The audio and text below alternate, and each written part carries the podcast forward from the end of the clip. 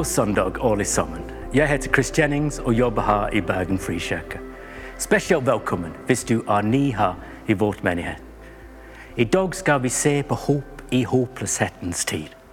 Og La meg begynne med å si det åpenbare.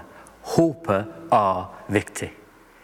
Dr. Susan Everson fra Folkeinstituttet i Berkeley, California, fant ut i sin forskning at folk som uttrykker høye nivå av håpløshet, hadde 20 større økning i åreforkalkning.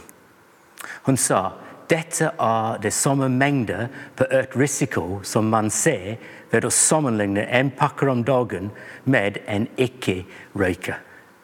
Så bare tenk på det, at det er sammen å røyke 20 sigaretter, den påvirkning på kroppen, det er sammen enn å leve uten håp. Håpet på kort og lang sikt er ikke bare viktig for vår mentale velvære, men også betydelig for vår fysiske helse. Vanligvis i livet kan vi leve uten å tenke for mye på spørsmålet om meningsløshet og håpløshet. Men kroner har kanskje tvunget oss mer enn vi liker til å føle at ting ikke alltid er håpfulle, og til og med litt håpløse. Så hvis det var et svar som kunne gi oss håp, som var både realistisk, relevant og rimelig, ville du være interessert i det? Et svar som kan hjelpe med å navigere hverdagens opp- og nedtur, og gi trøst og håp, ikke bare på kort sikt, men også på lengre sikt. Hvilke mulige svar er det? Akkurat nå er vårt håp for et normalt liv avhengig av en vaksine. Vi lever med et håp som er basert på fremgang inni vitenskapelig kunnskap og teknologi. Vi håper at fremgang i det på en eller annen måte må fortsette å redde oss på kort sikt, og gjøre ikke bare våre liv, men alle menneskers liv bedre. Det er mange bevis som ser at fremgangen innen vitenskap og teknologi åpenbart vil hjelpe oss med våre problemer. Men gjør det alltid livet bedre for alle? Er det godt grunnlag for håp? Jeg vokste opp i 1970-tallet. Og hvis du så på film eller dramaserie på TV om science fiction, det så frem at fremtid skal være positiv og optimistisk. Jeg var veldig glad i en uh, dramaserie som heter Star Trek. Og De hadde en sånn misjonssetning inni det. Og Misjonssetningen gikk Space, den siste grensen. Det er reisende til Starship Enterprise. Å utsøke rare, nye verdener og oppsøke nytt liv og nye sivilasjoner. Med frimodighet og gå dit ingen har gått før. Jeg likte veldig mer den siste, med frimodighet og gå dit ingen har gått før. Det var positivt og optimistisk. Så hvordan er science fiction, filmer og TV-serier i dag? Og Det har vært en stor forandring. For Det er ikke lenger bare positivt og optimistisk, men ofte det er veldig pessimistisk. Og Det er litt hvordan teknologi har utviklet seg. Jeg vet ikke hvis du har en robot hjemme Kanskje du har en støvsuger som går rundt og gjør jobben for deg. Men når du ser på science fiction og du ser på roboter, vi begynner å se det ikke bare nyttig til oss, men det kan være problemer med det også. Hva hvis de begynner å tenke som oss? Hva hvis de skjønner de er mer intelligent og sterkere enn oss? Og For mange sci-fi-filmer de begynner å ta over og stille spørsmål hvorfor trenger vi mennesker i det hele tatt. Så det er ikke roboter som gjør fremtid pessimistisk. Kanskje mennesker gjør det, når vi tenker hvordan mennesker er med hverandre. Men ikke bare science fiction. Også vitenskapelig. Det er en teoretisk fysiker som heter Brian Green. Og Han påpeker i sin bok til slutten av tiden at solen uansett vil brenne oss opp, på vei til å brenne ut og slutte å eksistere. Så den langsiktige fremtid virker heller ikke så håpfull. Hvorfor er det sånn? Og det gjorde med menneskenaturen. For du kan tenke mennesker er opptatt med hva er best for mennesker, men ikke helt sånt. Hvis du tenker hvordan vi bruker teknologi, ofte vi ikke bare bruker det for vår gode, men vi bruker det for å ødelegge andre og lage våpen. Trenger vi våpen? Ja. Det er ikke bare big business og mer penger involvert, men det er pga. at vi er redd av andre mennesker. Hvis vi bare, bare tenker på en som Nord-Korea Vi vet ikke hva de skal gjøre med teknologi, og hva våpen de skal utvikle. Men ikke bare nasjoner i verden at vi blir redd av, at vi trenger Nato for. Men det andre det er som bevegelser, som vi kaller terrorister. Eller andre individer som kanskje vil ikke bruke teknologi for bare menneskers beste. Og Når vi tenker på mennesker og på vår beste side, hvordan er vi? I dag er vi i en vanskelig situasjon. Vi trenger vaksiner for å hjelpe oss å kjempe mot covid. Og hva egentlig skjer? Det er ganske enkelt av og til. og jeg tenker Hvis vi kunne finne en vaksine som er bra, selvfølgelig hva vi må gjøre, og gi det til alle mennesker så fort som mulig. Og vi har 11, minst elleve vaksiner. Så hva skjer i virkeligheten? Og I virkeligheten det er bare de rike land som får de beste vaksiner først. Den som er mest effektiv og har minst bivirkning. Hva med resten av verden? Og de kan ha de vi ikke liker, eller vi ikke liker bivirkning med. Og de fattigste kanskje de aldri får det. Sånn er verden for vår beste egentlig. Det viser hvordan verden virkelig er. At mennesker er gode, ja, men det er andre ting. Realistisk må vi si at mennesker er utrolig kreative og potensielle gode. Men vi er også potensielle selvbekjennere og ødeleggende andre. Håp basert på vitenskap og teknologisk fremgang er avhengig og undergravd av hvordan mennesker er. Så kanskje fremgang innen vitenskap og teknologi ikke er det vi skal sette alt vårt håp til. Alistair McGrath, som har tre doktorgrader i teologi, molekylær biofysikk og intellektuell historie, og er professor i Oxford universitet i vitenskap og religion, sier naturvitenskapene er utmerkede, til og med fremragende, i å hjelpe oss med skille skille hvordan ting fungerer. Faktisk, det kan til og med hjelpe oss med å finne ut hvordan det kan fungere bedre. Likevel ligger det dypere spørsmålet om mening og verdi, hva Karl Papa kalte ultimate spørsmål, er utenfor rekkevidden til natursvitenskapens metode. Så hva han sier, er vitenskap kan hjelpe oss med hvordan men hvorfor og hvem er utenfor dens begrensninger?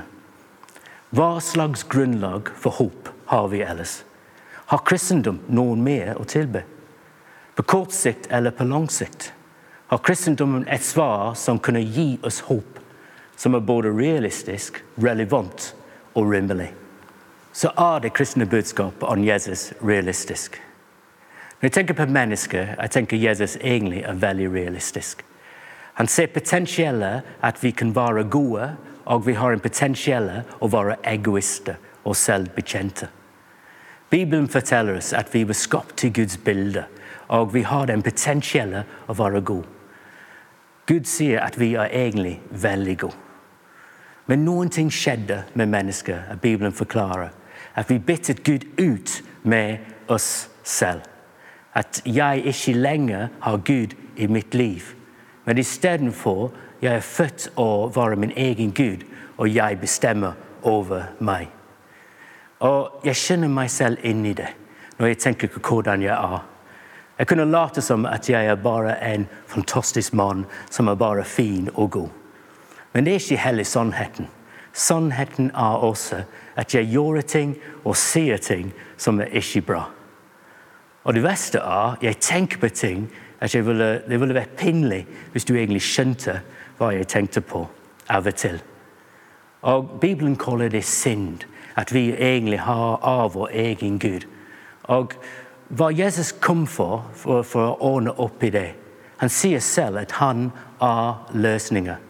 Og med tro på Han kan Han fornye oss og hjelpe å omvende hva skjedde i begynnelsen. At vi kan gjøre Han som vår Herre, og Han kan hjelpe oss å leve nå og være mindre egoist. Men også at gjennom den tro på Han vi har en fremtid som er sikker, som Han har ordnet. En håp som kan hjelpe oss å leve hver dag. Så er det kristne budskapen om Jesus relevant. Jeg skal lese fra Johannes 14. Det var dagen før Jesus ble henrettet. At han ble korsfestet på langfredag. Han er med sine disipler, og de vet at han skal dø den neste dag.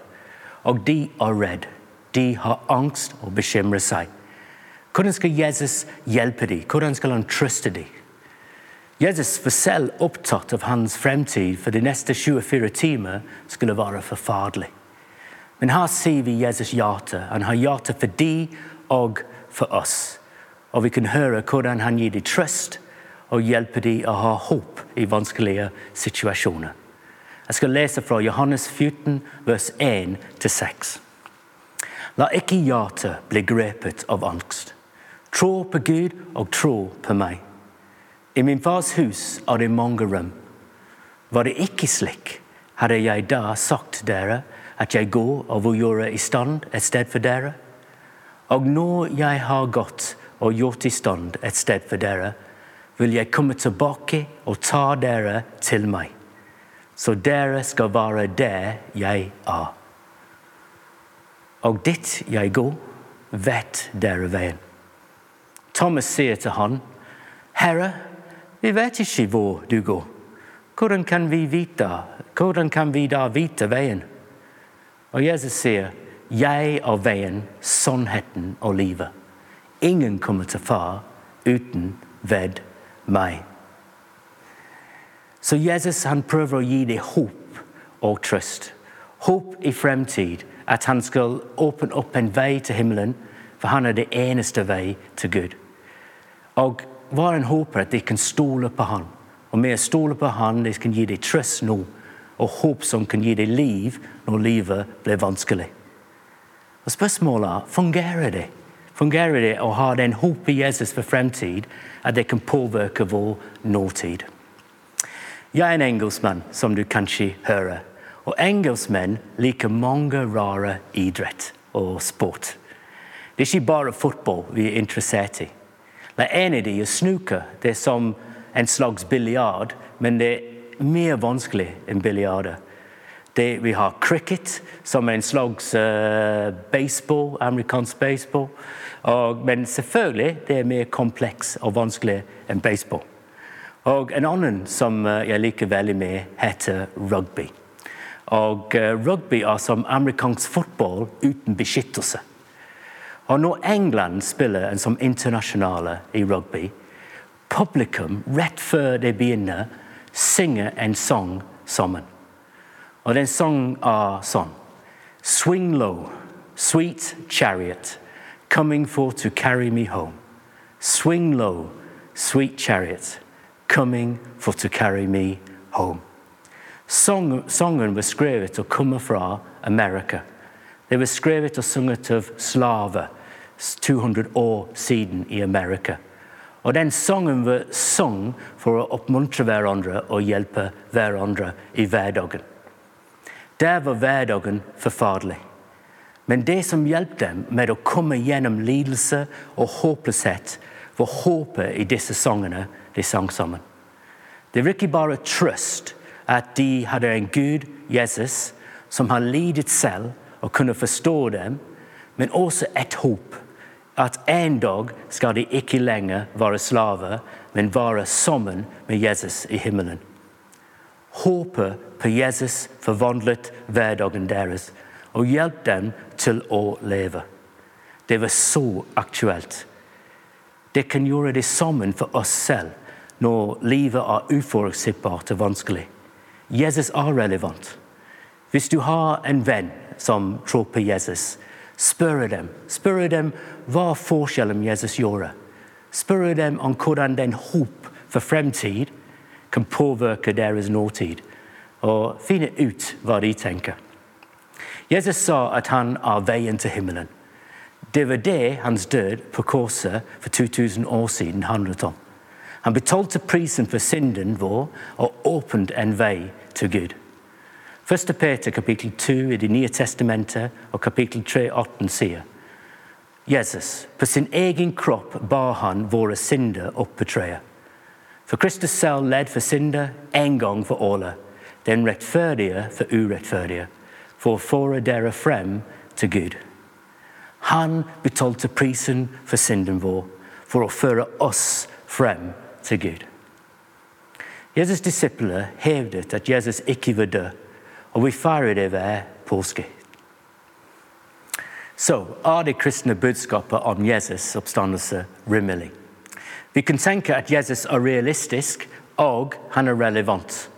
Men spørsmålet er hva han sa, er det sant? Når du hører hva Jesus sier, vi har bare tre valg, egentlig.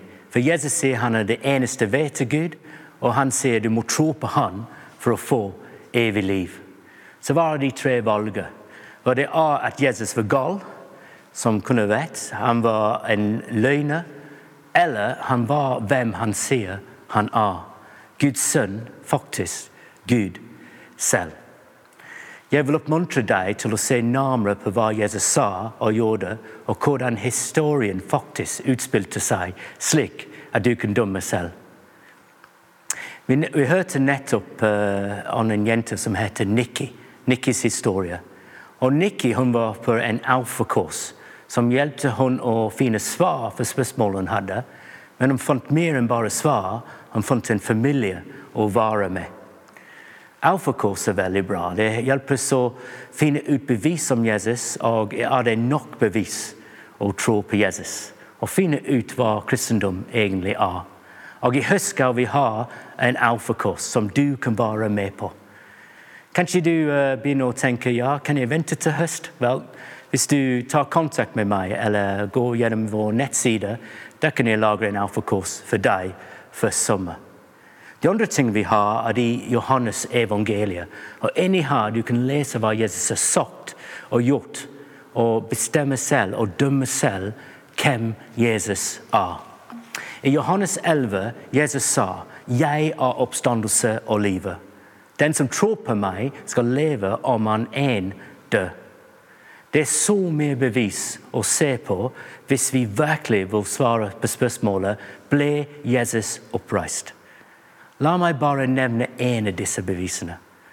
På Jesu dag var det faktisk ganske enkelt å stoppe en truende politisk bevegelse. Drep lederen, og du dreper bevegelse. Myndighetene gjorde mot Jesus hva de gjorde mot andre ledere og disse bevegelser før og etter Jesus. Og dette fungerte vanligvis. Men det var annerledes med Jesus. Hans disiplene forsvant ikke. De møtte hverandre og begynte å snakke sammen at de hadde sett Jesus. At Jesus hadde oppstått fra de døde, og de tilba ham.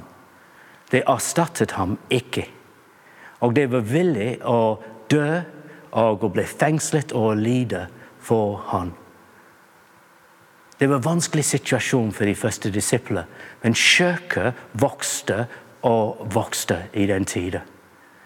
De historiske bevisene har vi. Hvordan forklarer vi reaksjonene til de første disiplene? Jeg skal lese det igjen. Hvordan forklarer vi reaksjonene til de første disiplene? Det er mange muligheter, men hva er de mest sannsynlige forklaringer på det? Jeg vil si Den mest sannsynlige forklaringen på det, som historisk skjedde etter Jesu død, er at han virkelig møter den oppstand, de virkelig møtet den oppstandende Kristus. Professor Thomas Arnold, en tidlig professor i moderne historie ved Universitetet i Oxford, sa jeg har gjennom mange år vært vant til å studere beretninger fra andre tider. Og å undersøke og vurdere bevisene for dem. Jeg kjenner ikke til noen annen faktum i menneskehetens historie som er bevist med bedre og mer utfyllende kjensgjerninger av alle slag, så langt en rettskaffen gransker kan forstå, enn det store tegn Gud gav oss da Kristus døde og står opp igjen fra de døde. Du trenger ikke å stole på en tidligere historieprofessor fra Oxford universitet. Du kan se på bevisene selv. Jeg stilte spørsmålet tidligere. Hvis det var et svar som kunne gi oss håp, som var både realistisk, relevant og rimelig, ville du være interessert i det. Er det ikke på tide å se nærmere på Jesus og selv finne ut at han tilbyr et håp som kan kalles rimelig, realistisk og relevant? Alistair McGrath, som jeg nevnte før, som har tre doktorgrader i teologi, molecular biophysics og intellektuell historie, og er en professor ved universitetet i Oxford i vitenskap og religion, sier om Jesus og hans liv. Vi er i stand til å vise at evangeliet ikke bare er sant, men har kapasitet til å forvandle liv, samferdig og meningsfullt. Jesus kan gi du og meg et evig håp når livet er håpløst. Et håp som fungerer både på lang sikt og på kort sikt. Dette er mitt og millioner av andres opplevelse. Og det er det Jesus kan gjøre for deg også. Være med på et alfakurs hos oss i høst og finne ut mer. Kanskje du er klar i dag og velger å tro på Jesus. Hva jeg skal gjøre? Jeg skal bare ha en bønn. Bare si den bønnen med meg. Takk, Jesus, for at du kom til verden. Takk at du kommer for å redde mennesker og for å redde meg. Takk for at du tok min synd, så jeg kan leve evig sammen med deg. I dag velger jeg å tro på deg, og jeg gitt mitt liv til deg. Hjelp meg å leve for deg. Amen.